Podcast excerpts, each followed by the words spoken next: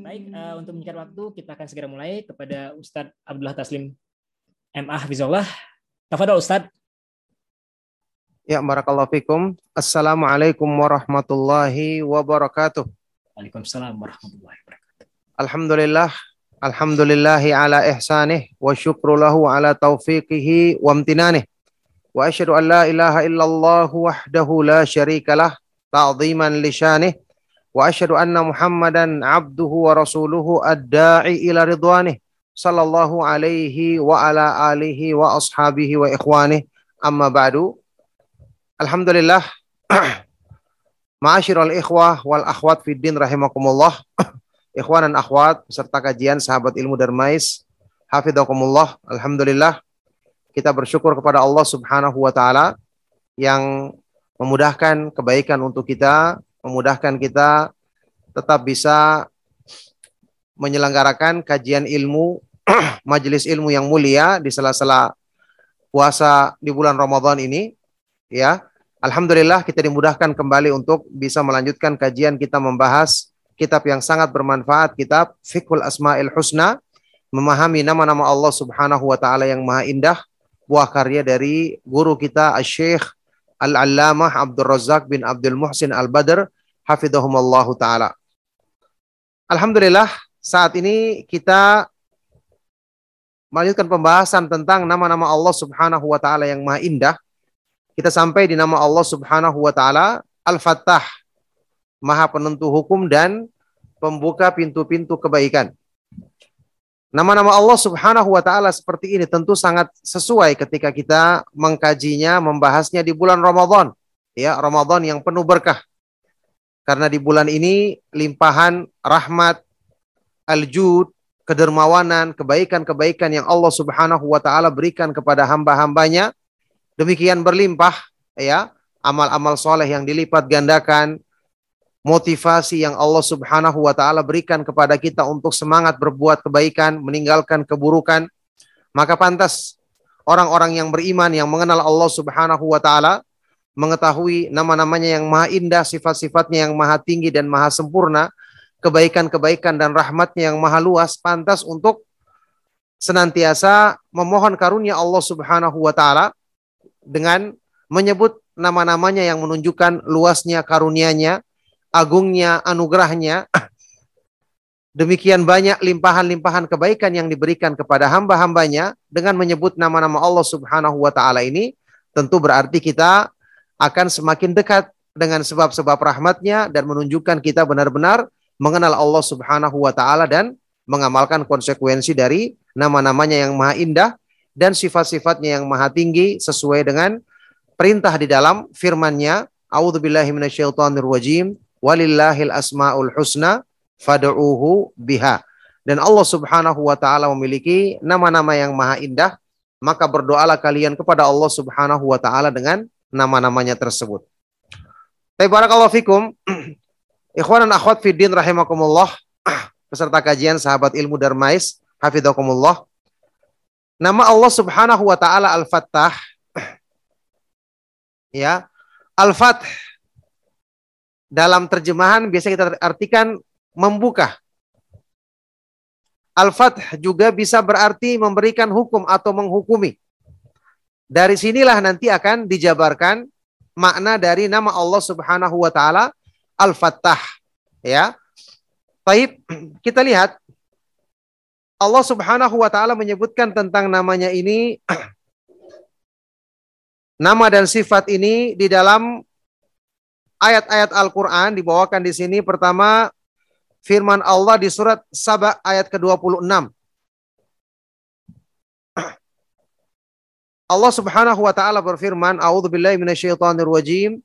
Qul yajma'u bainana rabbuna thumma yaftahu bainana bil haqq thumma yaftahu bainana bil haqqi wa huwal fattahul alim." Katakanlah sesungguhnya Rabb kita Allah Subhanahu wa taala akan mengumpulkan kita pada hari kiamat nanti, kemudian yaftah memberikan keputusan di antara kita, memberikan hukum di antara kita dan dia adalah Al-Fattah, Maha Penentu hukum dan Maha mengetahui. yakni Allah Subhanahu wa taala dia yang menghukumi antara hamba-hambanya. Maksudnya orang-orang yang taat kepada Allah, orang-orang yang bertakwa tentu akan mendapatkan balasan kebaikan sesuai dengan kebaikan yang mereka lakukan. Sebaliknya orang-orang yang durhaka akan mendapatkan azab dan kebinasaan. Nauzubillah min. Kedua di surat Al-A'raf ayat ke-89. Allah Subhanahu wa taala berfirman, "Wasi'a rabbuna kulla syai'in 'ilma 'ala Allahi tawakkalna. Rabbana iftah bainana wa baina qaumina bil haqq wa anta khairul fatihin. Rabb kami Allah Subhanahu wa taala meliputi segala sesuatu dengan ilmunya, dengan pengetahuannya yang maha sempurna. Hanya kepada Allah kami bertawakal. Wahai Rabb kami, berikanlah al-fath, ketentuan hukum antara kami dengan kaum kami dengan benar, dan engkau adalah sebaik-baik yang memberikan ketentuan hukum. Nah, jadi dua ayat ini menyebutkan tentang nama Allah Subhanahu wa taala Al-Fattah dan sifatnya Al-Fath. Ya. Sudah pernah kita sebutkan di dalam bahasa Arab itu untuk kalimat dalam wazan fa'al menunjukkan arti yang sangat ya. Jadi Al-Fattah sama dengan misalnya Al-Ghaffar, Maha Pengampun, Al-Wahhab ya, Maha Pemberi. Sudah pernah kita lewati itu menunjukkan sesuatu yang kalau di kalangan makhluk diartikan sangat ya menunjukkan sesuatu yang sangat Al-Fatah kita artikan maha menentukan hukum dan maha membuka pintu-pintu kebaikan bagi hamba-hamba yang beriman. Baik. Syekh Abdul Razak hafizahullah taala selanjutnya menjelaskan wa makna hadzal ism? Alladhi yahkumu baina ibadihi bima yasha'u wa yaqdi fihim bima yurid wa yamunnu ala man yasha'u minhum bima yasha' la rada li hukmih wa la mu'aqqiba li qada'ihi wa amrih. Makna nama Allah Subhanahu wa taala yang maha indah ini artinya dialah yang memberikan hukum di antara hamba-hambanya sesuai dengan kehendaknya. Dialah yang memutuskan urusan mereka dengan apa yang diinginkannya. Dia memberikan karunia kepada siapa yang dikehendaki dengan apa yang dikehendaki. Tidak ada yang bisa menolak ketentuan hukumnya, tidak ada yang bisa tidak ada yang bisa mencegah keputusan dan perintahnya. Kalau Allah Ta'ala, Allah Subhanahu wa Ta'ala berfirman di surat Fatir ayat yang kedua, Ma yaftahillahu lin-nasi min rahmatin fala mumsikalaha wa ma yumsik fala mursilalahu min ba'dih wa huwal azizul hakim. Dan apa saja yang Allah Subhanahu wa taala bukakan bagi manusia berupa rahmatnya, tidak ada seorang pun yang bisa menahannya. Dan apa saja yang ditahan oleh Allah Subhanahu wa taala, maka tidak ada yang bisa membukanya setelahnya dan dia maha perkasa lagi maha sempurna hukumnya. Ini di antara penjelasan dari makna nama Allah Subhanahu wa taala Al-Fattah. Jadi Al-Fath di sini mengandung arti memberikan hukum. Nanti kita akan baca ada makna kedua yaitu sesuai dengan apa yang kita pahami artinya Al-Fath yaitu membuka artinya maha membuka pintu-pintu kebaikan bagi hamba-hamba yang beriman Allah Subhanahu wa taala membukakan pintu-pintu taufik bagi mereka. Oleh karena itu, menyebut nama Allah Subhanahu wa taala ini dalam doa kita ketika kita meminta kebaikan, meminta agar hati kita yang tidak khusyuk dimudahkan taufik agar menjadi khusyuk, dimudahkan terbukanya pintu-pintu keikhlasan, dimudahkan terbukanya atau sembuhnya kotoran penyakit hati kita. Ini semua menyangkut kebaikan-kebaikan yang sangat kita butuhkan dalam perbaikan iman dengan merenungkan kandungan nama Allah Subhanahu wa taala Al Al-Fattah ini.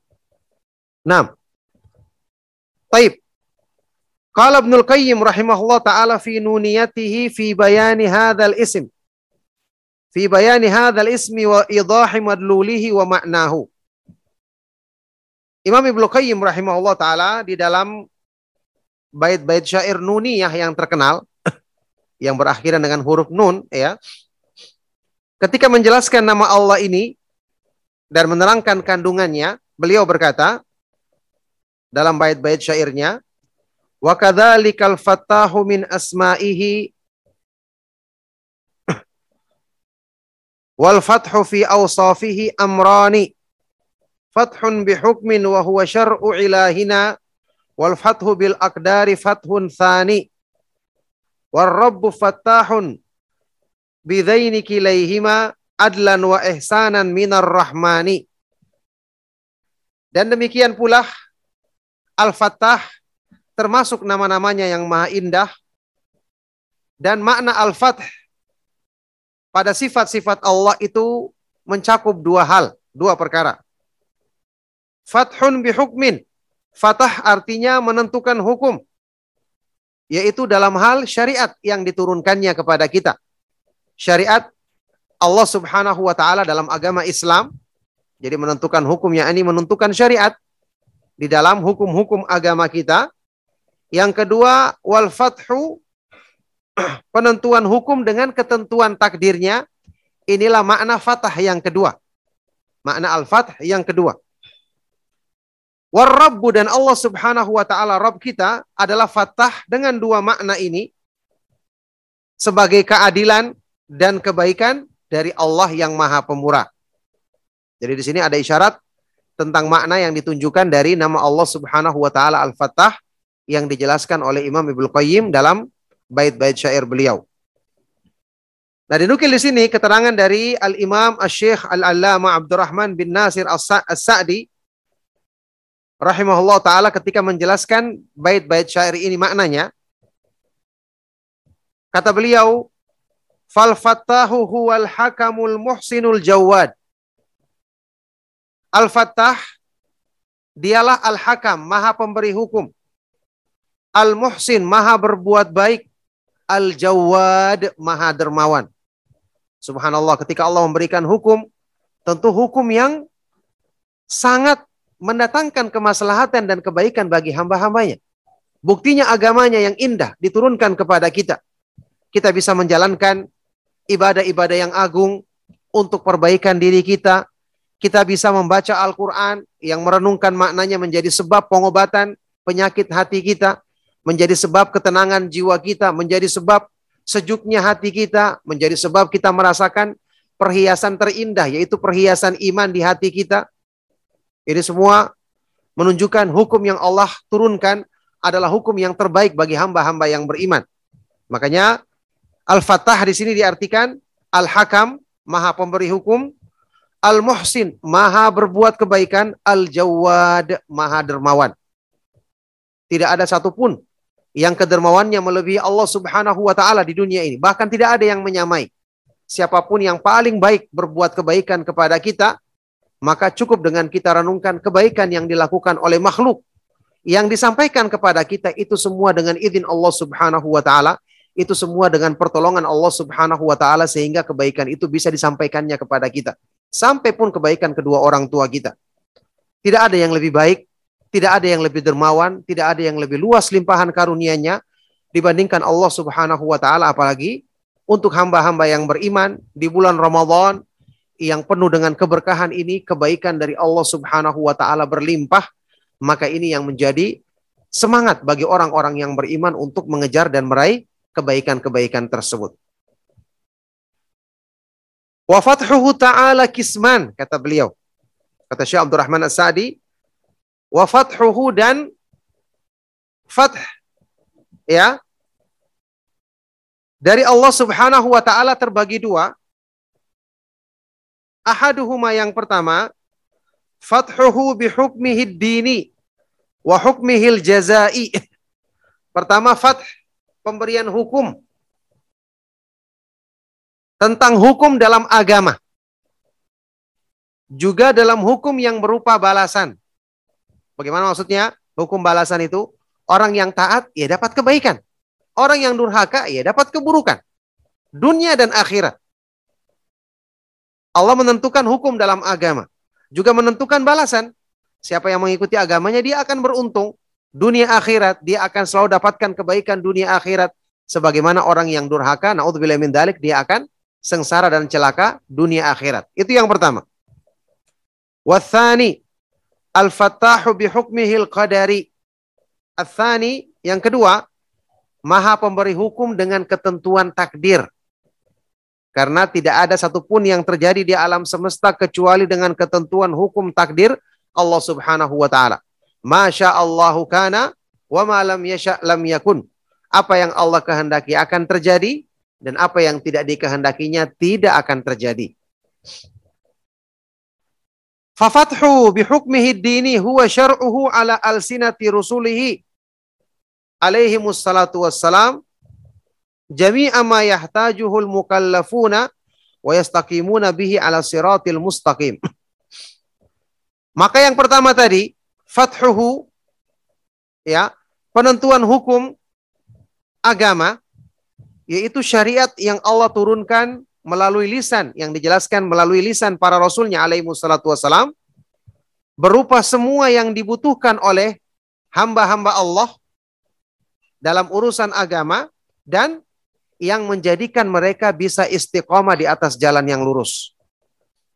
Dari sini kita tahu kenapa Al-Fattah diartikan kebaikan, diartikan kedermawanan Allah karena kebaikan terbesar yang Allah turunkan kepada manusia adalah syariatnya. Syariat Islam yang agung ini. Maka ini adalah bentuk kedermawanan Allah yang paling besar yaitu dengan diturunkannya agama yang indah, agama yang mulia dibawa oleh sebaik-baik hambanya, Rasulnya yang paling mulia. Nabi kita Nabi Muhammad Sallallahu Alaihi Wasallam semua yang kita butuhkan dan sebab yang menjadikan kita istiqamah di dunia sampai di akhirat nanti sampai kita bertemu Allah Subhanahu wa taala sampai masuk ke dalam surganya. Inilah al-fath. Makna yang pertama. Jadi semua yang kita butuhkan ada dalam agama ini. Oleh karena itu, ini menjadikan kita semakin yakin berpegang teguh dengan agama dan dengan kita semakin semangat mempelajari agama menunjukkan kita selalu berusaha mencari sebab-sebab turunnya rahmat Allah dan terlimpahnya kedermawanan dan kebaikan dari sisinya kepada kita. Nah, wa amma fathuhu bi jazaihi fahuwa fathuhu baina anbiya'ihi wa mukhalifihim wa baina awliyaihi wa a'daihim.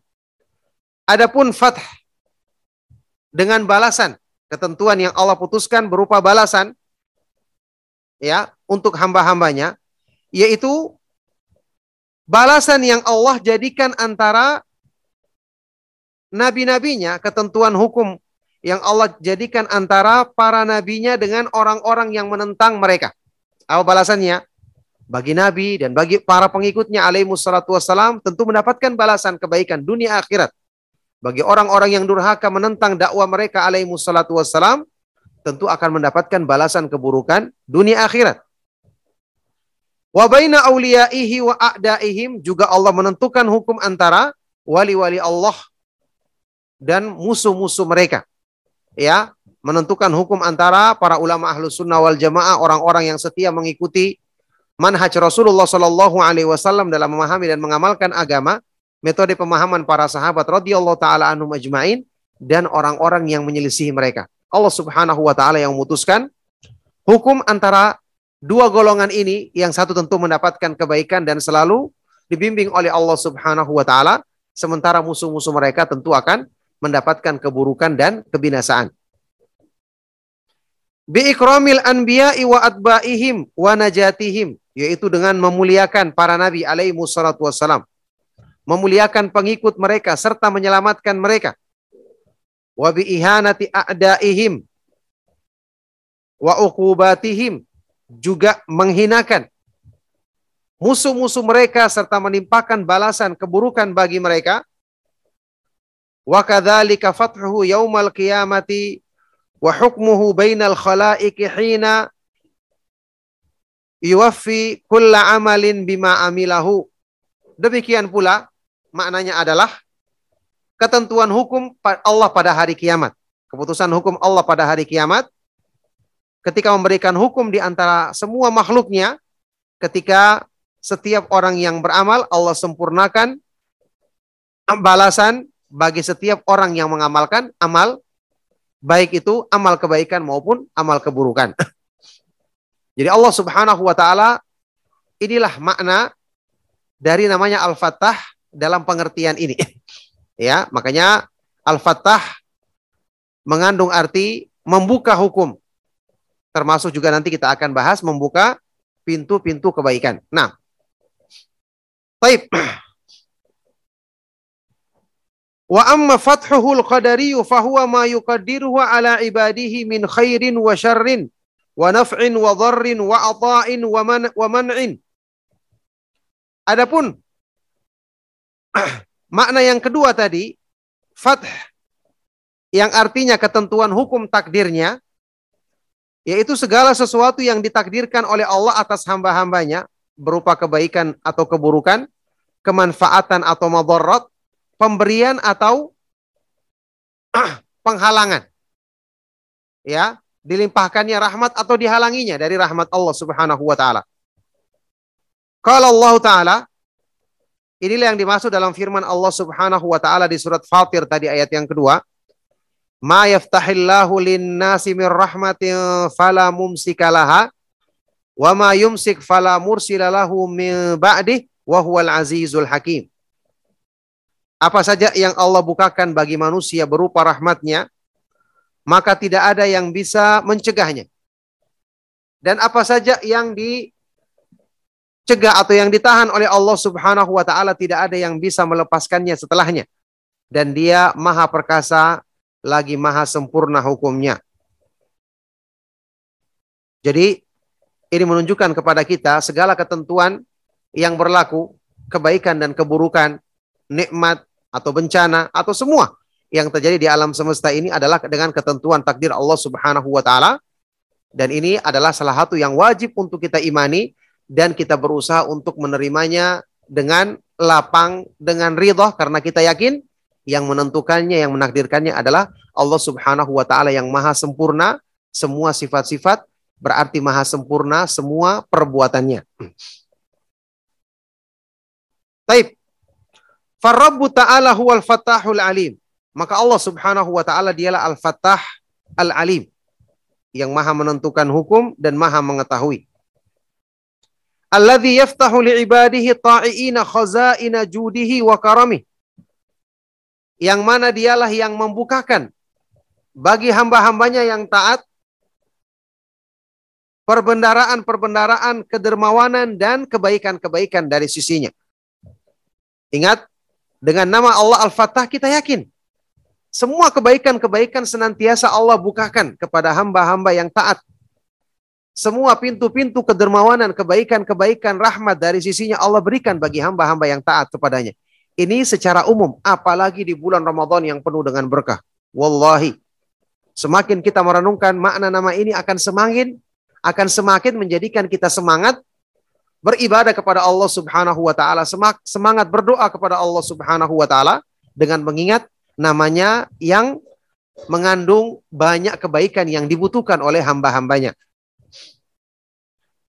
Wa yaftahu ala a'daihi dhalik. Sebaliknya Allah Subhanahu wa taala membukakan bagi musuh-musuhnya hal yang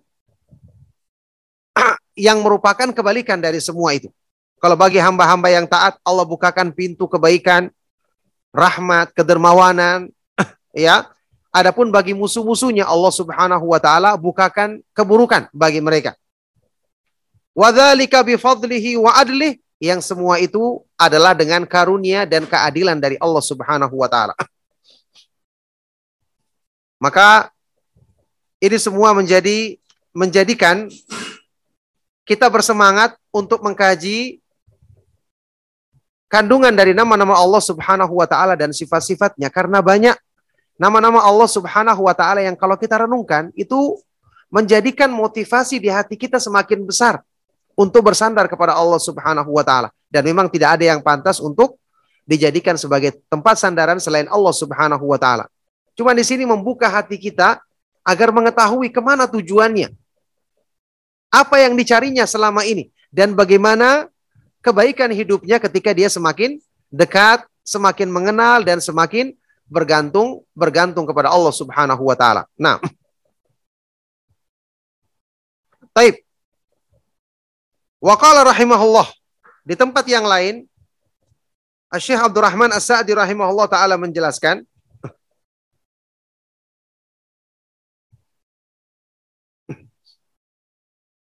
ketika menjelaskan nama Allah Subhanahu wa taala Al-Fattah ya di tempat yang lain Syekh Abdurrahman As-Sa'di rahimahullah taala berkata lil fattahi maknayan. Nama Allah Al-Fattah itu ada dua.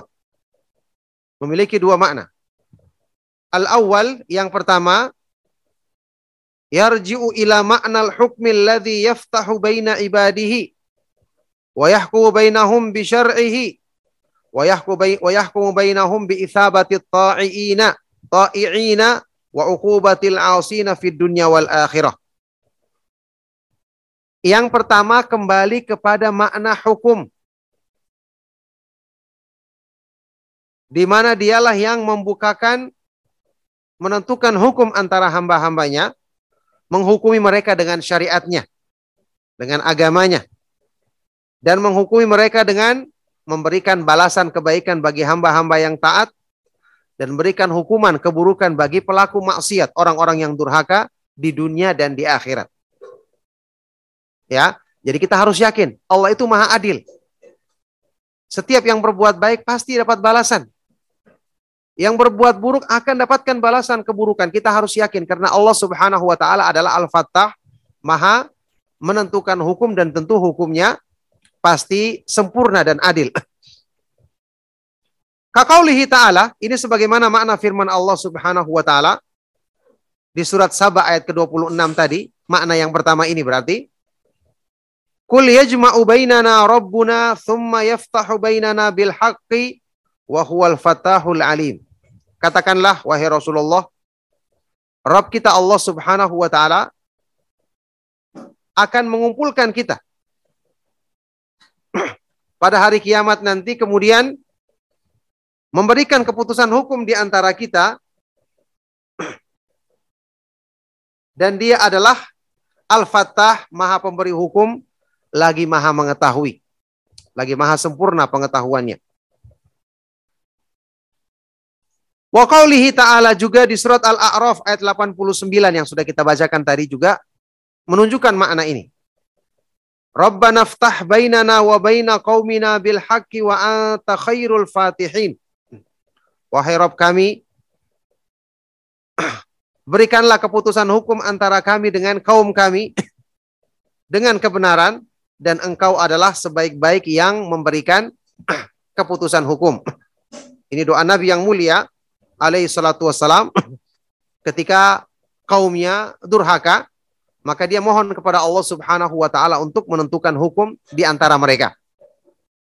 Ini juga makna yang pertama.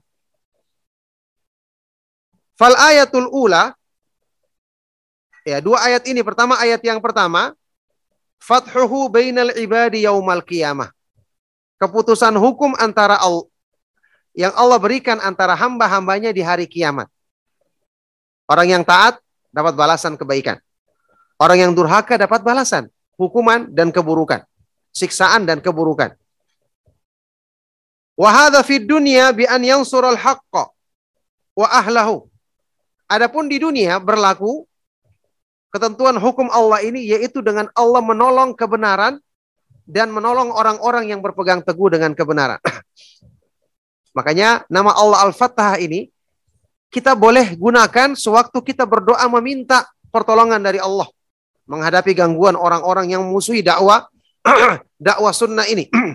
ya, kita berdoa kepada Allah Subhanahu wa taala untuk mendapatkan perlindungan dan pertolongan darinya ketika menghadapi musuh-musuhnya.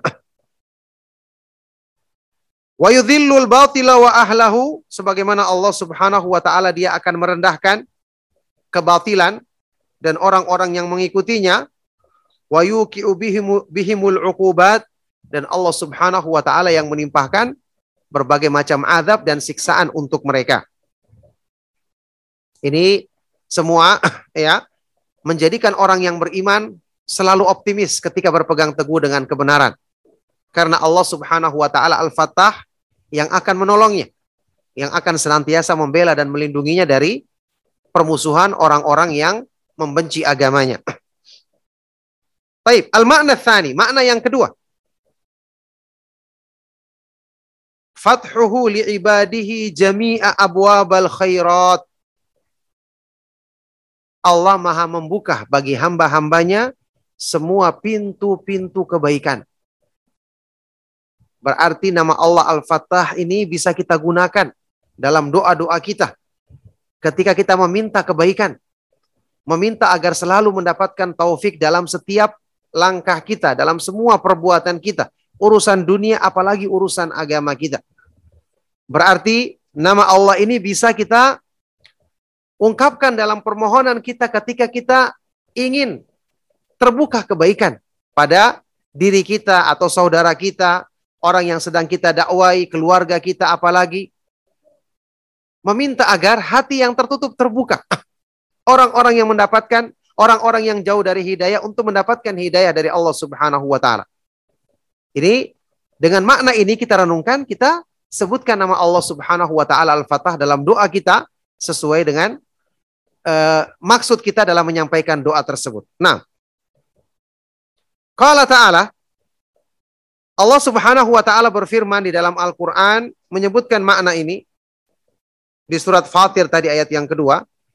Ma yaftahillahu mir rahmatin fala mumsikalaha.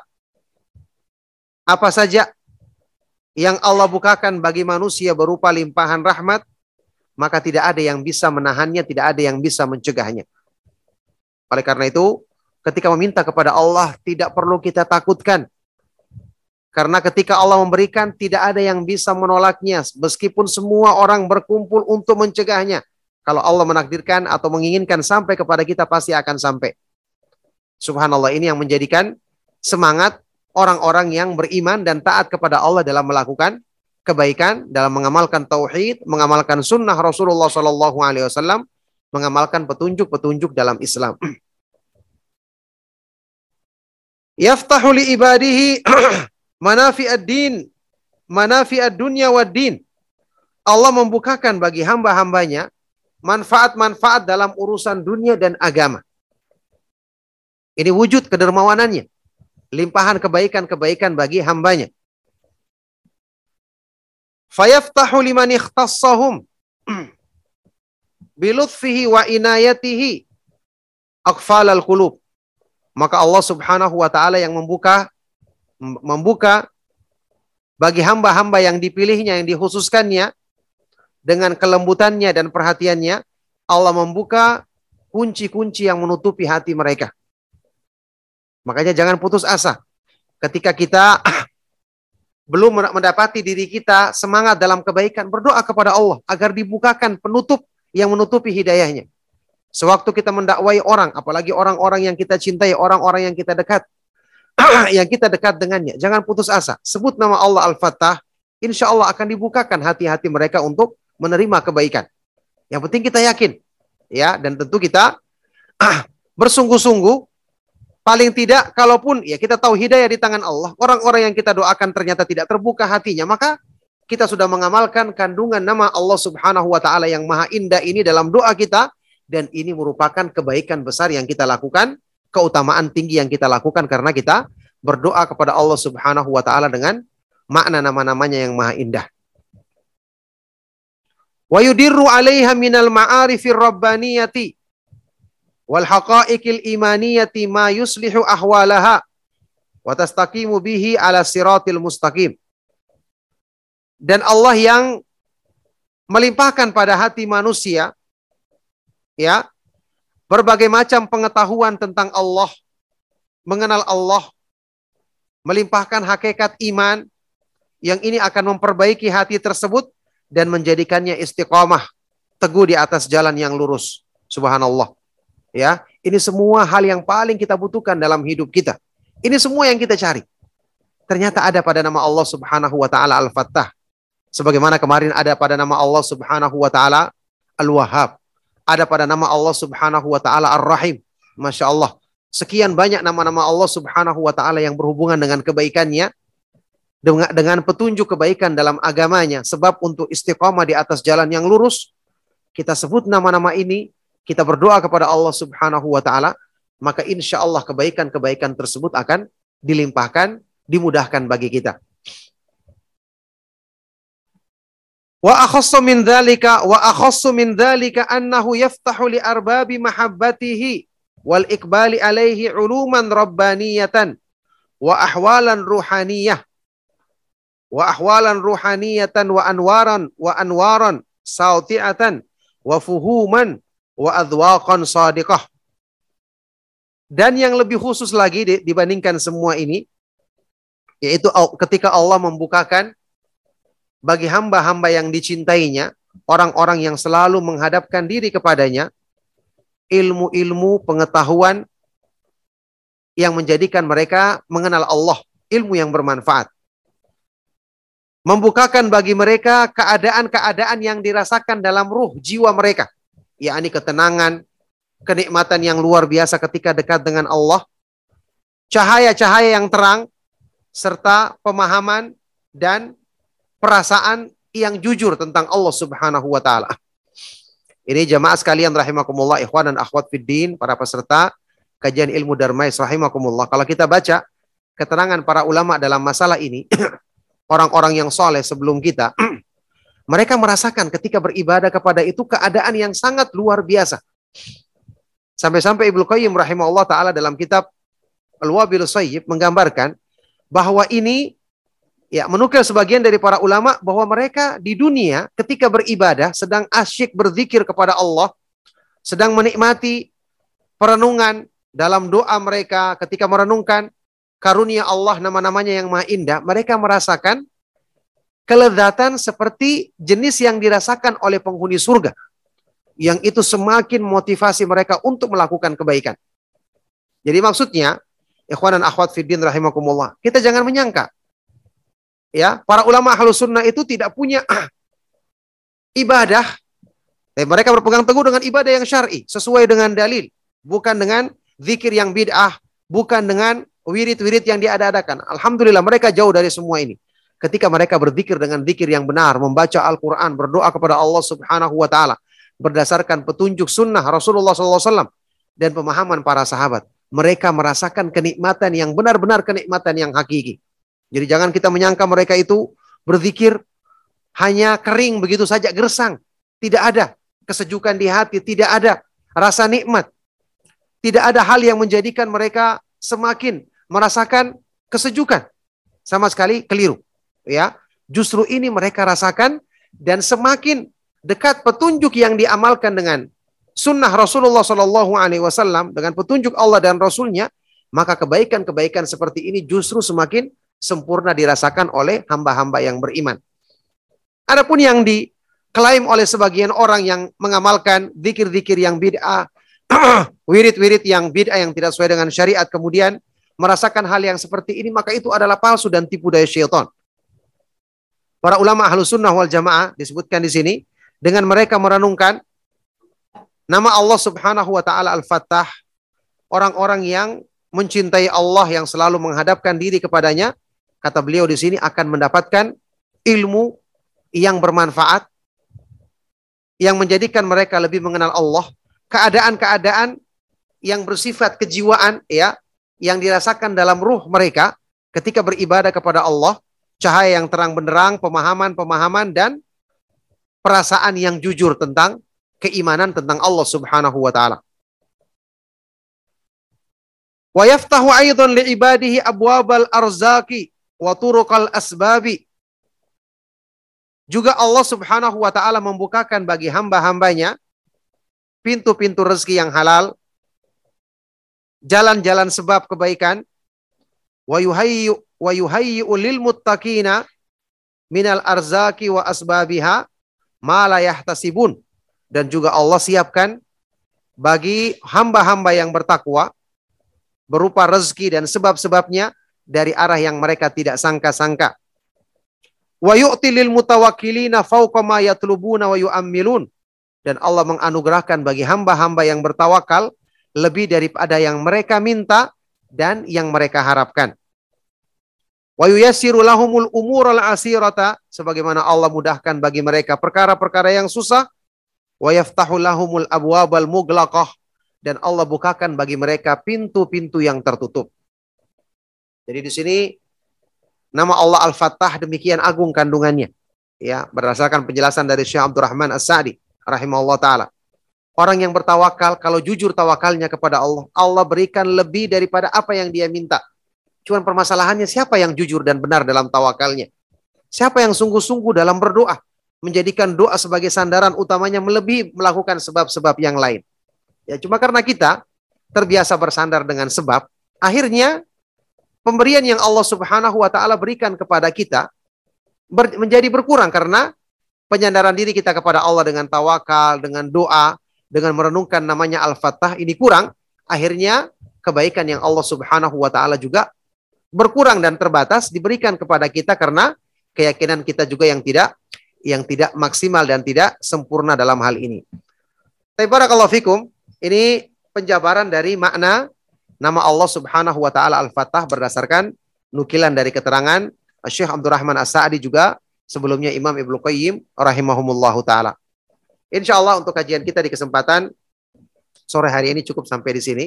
Mengingat waktu di Kendari saat ini sudah sekitar 10 menit lagi mungkin waktu berbuka puasa ya.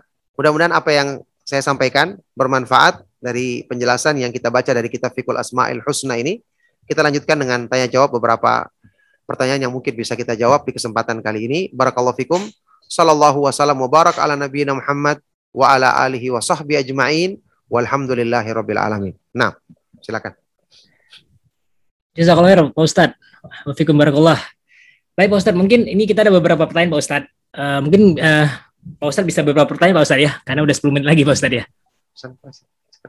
Baiklah kita coba Pak Ustadz ya. Baik, uh, pertanyaan pertama Pak Ustadz, ini dari salah seorang uh, peserta kita, Afan Pak Ustadz. Apakah orang yang bunuh diri karena tidak kuat akan beban hidup Uh, dan juga dia uh, ini mencontohkan Fir'aun, Korun, Korun yang tidak kuat atas ujian hidup berupa kekuasaan dan kekayaan. Ini bertentangan dengan surat Al-Baqarah ayat 286 yang dikatakan Allah tidak akan menguji hambanya dengan di luar batas kemampuannya. Ini pertanyaan pertama, Pak Ustaz. Jazakallah Pak Ustaz.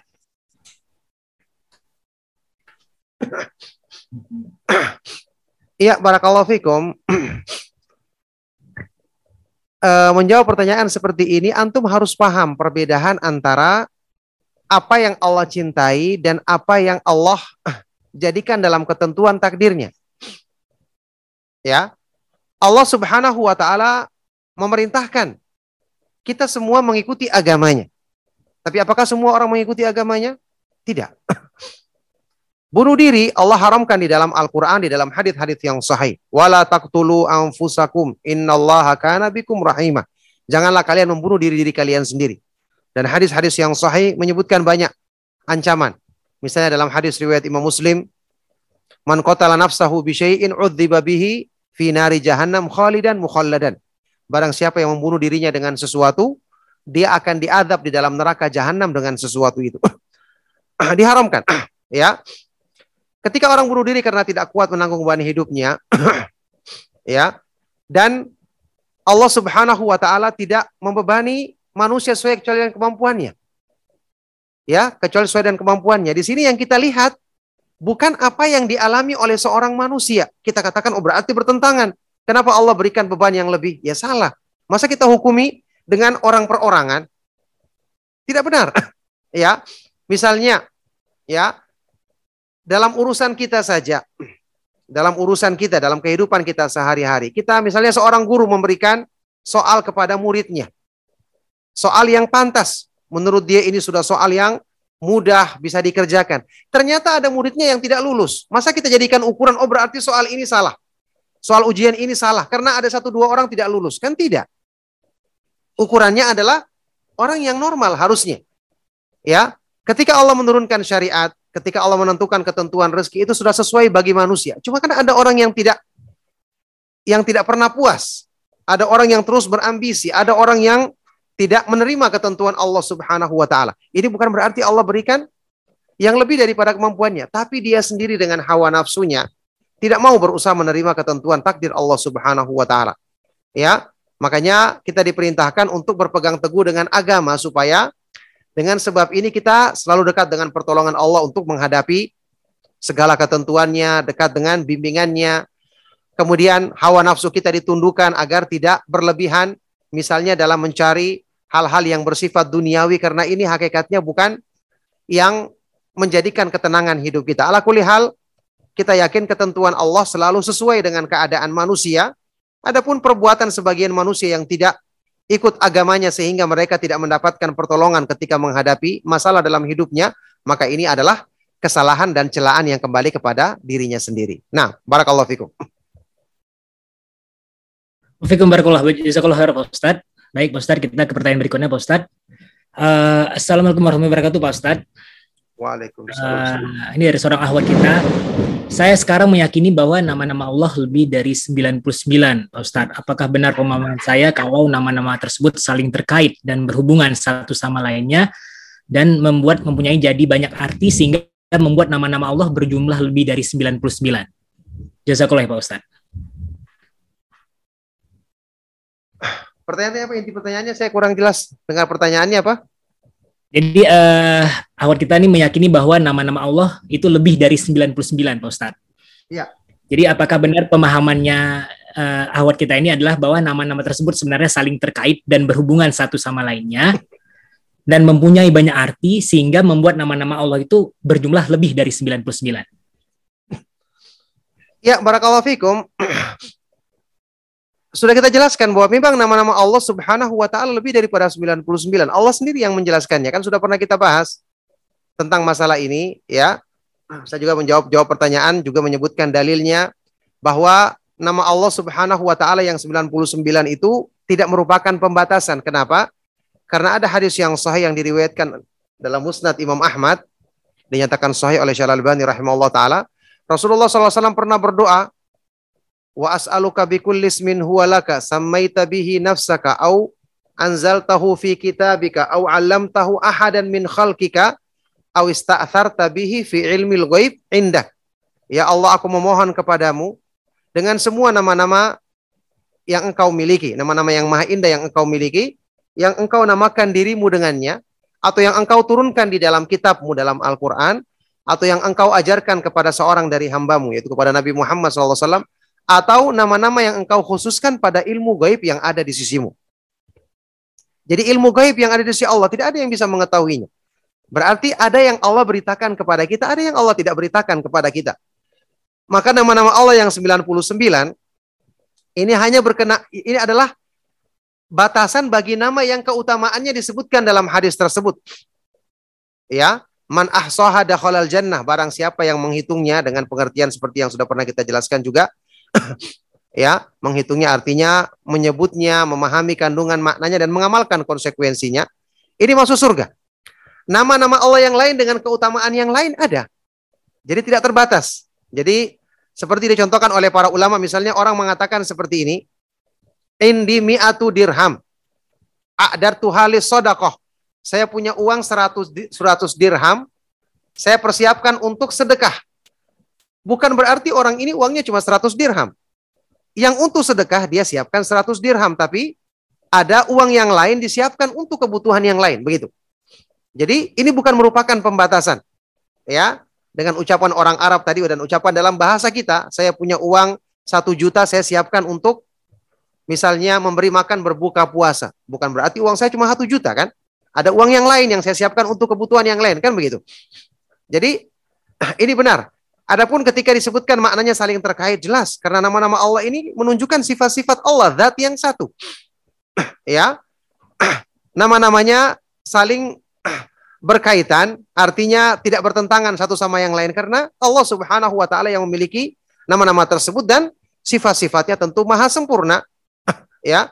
Kemudian sebagian di antara nama-nama tersebut mengandung makna yang luas. Ya betul, sudah kita bahas seperti Al-Fattah itu berapa kandungan maknanya kemarin juga Al-Wahhab, kemudian nama Allah Subhanahu wa taala As-Samad juga maknanya luas. Ya, beberapa di antara nama Allah Subhanahu wa taala mengandung arti yang luas. Bahkan nama-nama Allah Subhanahu wa taala yang paling utama Allah, Ar-Rabb, Ar-Rahman juga maknanya luas. Ini pengertian yang benar yang kita pahami dari nama-nama dan sifat-sifat Allah Subhanahu wa taala. Barakallahu fikum. Nah, Wafikum barakallah, Pak Ustadz, jazakallah khair. Baik Pak Ustadz, kita mungkin ke pertanyaan berikutnya Pak Ustadz. Ya. Ini dari uh, seorang ikhwan kita Pak Ustadz. Assalamualaikum warahmatullahi wabarakatuh Pak Ustadz. Seorang manusia bisa masuk surga karena rahmat Allah dan bukan karena amal-amalnya. Sehingga bahkan seorang manusia dengan dosa yang sangat banyak bisa masuk surga tanpa azab. Selama dia mati dalam keadaan Islam. Sementara seseorang dengan amal kebaikan yang banyak bisa dimasukkan ke neraka terlebih dahulu. Apakah ini termasuk ketentuan dari sifat al-fatah dari Allah Subhanahu wa taala, Pak Ustaz? Jazakallahu khair.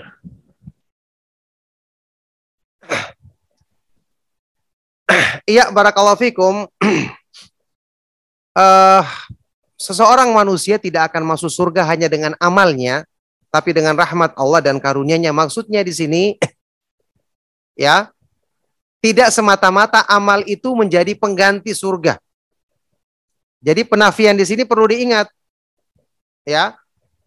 Amal itu adalah sebab untuk mendapatkan ridho Allah. Berarti amal itu adalah sebab masuk surga. Itu benar. Tapi dia sebab, bukan penentu.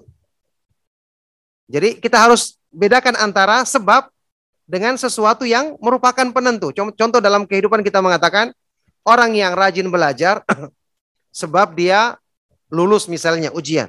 Tapi ada orang yang rajin belajar tidak lulus juga. Karena dia kurang paham misalnya atau dia mungkin waktu ujian lupa dan seterusnya. Kan ini cuma sebab. Ya. Jadi sebab itu kita pahami sebagai sebab. Ketika di Al-Qur'an disebutkan surga itu jazaa'am bima kanu ya'malun. Sebagai balasan dari apa yang mereka kerjakan. Maksudnya sebagai sebab. Tapi yang menentukan adalah rahmat Allah dan keridoannya. Makanya orang yang beramal, kalau dia amalnya benar, amalnya ikhlas, ini sebab Allah meridhoi dia, kemudian Allah masukkan dia ke dalam surga dengan keridhaan dan rahmatnya. Itu maksudnya. Nah sekarang, ada hamba yang berbuat kebaikan, dia malah masuk neraka. Ini tentu tidak sesuai dengan sesuatu yang wajar. Maksudnya dia berbuat kebaikan apa di sini? Ya bukan berarti kebaikannya sempurna, ikhlas, lahir dan batin masuk neraka. Tidak mungkin. Allah sendiri yang menjanjikan orang berbuat baik, dapatkan kebaikan. Ya orang yang mengikuti jalan petunjuk dia dapatkan surga. Jadi maksudnya di sini orang berbuat kebaikan tapi dia melakukan sebab yang merusak kebaikannya. Atau dia kebaikannya cuma di pandangan mata manusia ternyata tidak ikhlas dalam niatnya. Jadi kebaikannya tidak ikhlas. Jelas ini akan dapatkan balasan keburukan. Sementara orang yang berbuat buruk bisa masuk masuk surga. Betul. Kalau ternyata dia masih punya tauhid. Itu pun keburukannya kalau tidak diampuni oleh Allah maka diadab dulu bisa kalau seandainya dia mendapatkan pengampunan dengan sebab mungkin syafaat karena tauhidnya benar atau sebab yang lain, maka ini juga dengan sebab dan karunia Allah Subhanahu wa taala. Tapi asalnya orang yang berbuat buruk ini sebab menjadikan Allah murka kepada dia. Kemudian dengan sebab ini Allah Subhanahu wa taala bisa mengadab dia. Cuman karena dia masih punya tauhid, maka Allah jadikan kalaupun diadab tidak kekal karena dengan tauhidnya dia akan dibebaskan atau diampuni dosa-dosanya kemudian ujung-ujungnya terakhir dia masuk ke dalam surga. Jadi makanya tauhid ini adalah sebab utama keridhaan Allah Subhanahu wa taala. Sementara eh, sebagaimana mengikuti sunnah Rasulullah Shallallahu alaihi wasallam ini juga merupakan sebab keridhaan Allah Subhanahu wa taala bagi hambanya. Oleh karena itu, orang yang berpegang teguh dengan dua hal ini, insya Allah dia akan menjadi mendapatkan sebab keridhaan Allah Subhanahu wa taala untuk dimudahkan masuk ke dalam surganya. Itulah pembahasan atau penjelasan yang benar tentang masalah ini semoga bisa dipahami. Barakallahu fikum ya. Mohon maaf ini karena waktu yang terbatas, sebentar lagi sudah berbuka puasa. Maka untuk kajiannya saya cukupkan sampai di sini ya. Sekali lagi mohon maaf atas segala yang salah dan kurang. Sallallahu wasallam wa barak ala nabiyina Muhammad wa ala alihi wa ashabihi wa man tabi'ahum bi isanin ila yaumiddin walhamdulillahi rabbil alamin.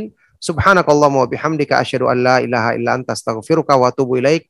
Wassalamualaikum warahmatullahi wabarakatuh. ارجعي إلى ربك راضية مرضية فادخلي في عبادي وادخلي جنة أمتي